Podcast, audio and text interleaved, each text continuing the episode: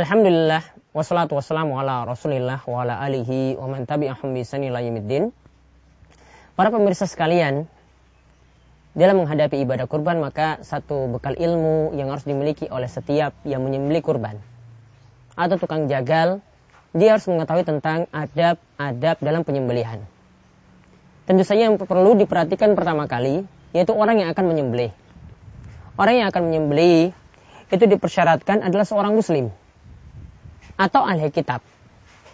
Ya, dan di, kami beri catatan sini ahli kitab karena ahli kitab di sini hasil sembelihannya juga dikatakan halal sebagaimana disebutkan dalam surat Al-Maidah ayat kelima Allah Subhanahu wa taala berfirman wa ta'amul lazina utul kitaba halul lakum dan makanan hasil sembelihan dari ahli kitab itu halal bagi kalian. Jadi yang pertama muslim, yang kedua adalah ahli kitab. Kemudian orangnya sudah balik atau minimal dikatakan tamis, dia bisa membedakan yang baik dan yang buruk, lalu berakal, ya, lalu dia itu berakal dan di sini terserah yang menyembeli boleh laki-laki maupun perempuan karena ada satu riwayat menyebutkan perempuan di masa Nabi SAW juga ada yang pernah menyembeli.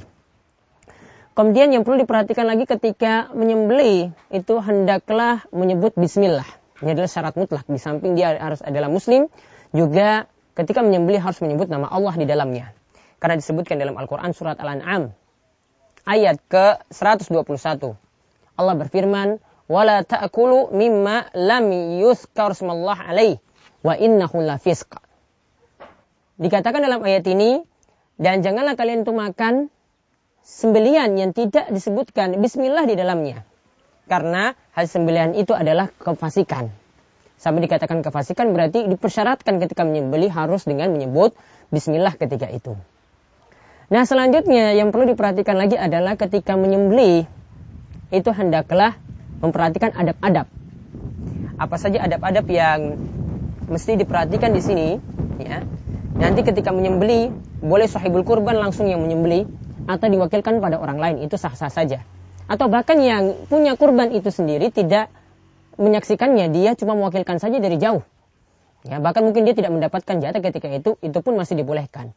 Yang pertama harus dia lakukan yang menyembelih di sini adalah yang pertama dia harus berbuat ihsan. Sebagaimana hal ini disebutkan dalam hadis riwayat Muslim, "Innallaha katabal ihsana ala kulli syai." Fa iza qataltum fa asinul kitlah wa iza zabahtum fa asinu zibha wal yuhidda ahadukum safratahu wal yurih zabihatahu. Kata Nabi SAW, sesungguhnya Allah menetapkan untuk berbuat baik kepada segala sesuatu. Kepada hewan pun juga harus berbuat baik ketika ingin mengkisos menghukum mati ya maka lakukanlah dengan cara yang baik. Ketika menyembelih maka lakukanlah dengan cara yang baik. Ketika menyembelih Nabi katakan syafratahu hendaklah pisau itu ditajamkan. Ini berbentuk berbuat isan pisau itu ditajamkan. Jadi dalam keadaan tajam. Kemudian senangkanlah hewan yang akan disembelih dengan makanan terlebih dahulu. Ya pokoknya dia jangan sampai merasa khawatir. Ya dengan uh, penyembelian setelah itu. Jangan sampai dia dibuat-buat takut. Oleh karena itu salah satu adab lagi yang perlu diperhatikan, jangan sampai pisau diasah di hadapan hewan yang akan disembelih. Pernah ada seorang di masa Nabi SAW, dia menyembelih, ingin menyembelih, kemudian dia asah di depan mata hewan tersebut sebelum menyembelih.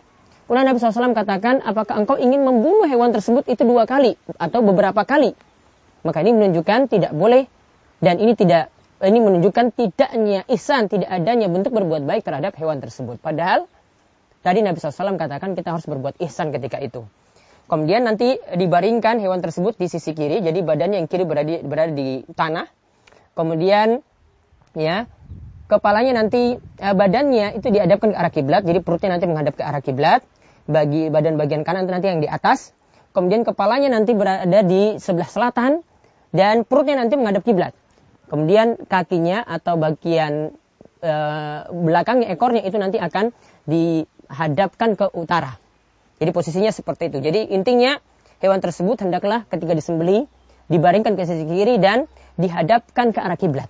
Bahkan sampai Ibnu Umar pun ya dalam hal penyembelian ini dia sampai tidak mau makan hasil sembelian yang tidak dihadapkan ke arah kiblat. Namun ini cuma uh, dikatakan bukan syarat oleh para ulama. Namun semestinya ketika nyembeli hewan tersebut diada, diarahkan ke arah kiblat.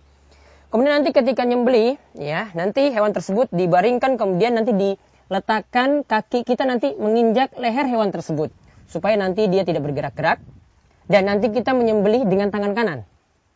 Ya, tangan kanan, tangan kirinya nanti memegang hewan tersebut atau mungkin ada yang bantu untuk memegangnya.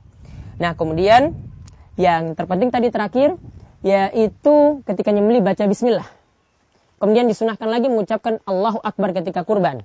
Ya, jadi mengucapkan bismillah wallahu akbar lalu kita berdoa dengan menyebut ya nama sahibul kurban di situ. Misalnya yang berkurban adalah Muhammad, maka kita sebut Allahumma taqabbal min.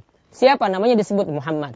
Maka nanti kita ucapkan bismillah Allahu akbar Allahumma taqabbal min Muhammad langsung kita eh, sembelih dengan tangan kanan kita sampai keluar darah dan tiga uratnya nanti terputus ya nanti akan nampak jelas nanti ketika nyembelih ya maka dikatakan tadi penyembelihan sudah usai.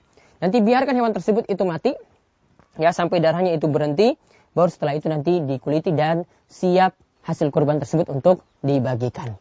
Demikian ini yang harus poin yang mesti kita perhatikan dalam masalah penyembelihan hewan